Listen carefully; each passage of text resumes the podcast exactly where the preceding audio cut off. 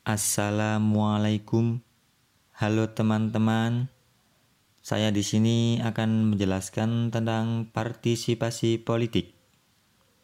Partisipasi politik diartikan sebagai keterlibatan warga dalam segala tahapan kebijakan mulai dari pembuatan keputusan sampai dengan penilaian keputusan termasuk peluang untuk ikut serta dalam pelaksanaan keputusan dalam ranah politik.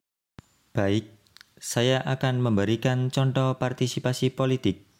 Salah satunya yaitu penyampaian pendapat atau aspirasi baik secara lisan ataupun tulisan kepada lembaga perwakilan rakyat atau melalui media massa seperti koran, majalah, dan sebagainya.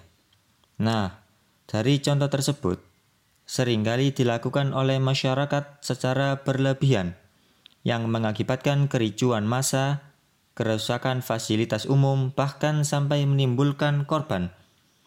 Seperti demo ketika empat mahasiswa tertembak pada saat rakyat ingin melengsarkan Soeharto dari jabatan presiden.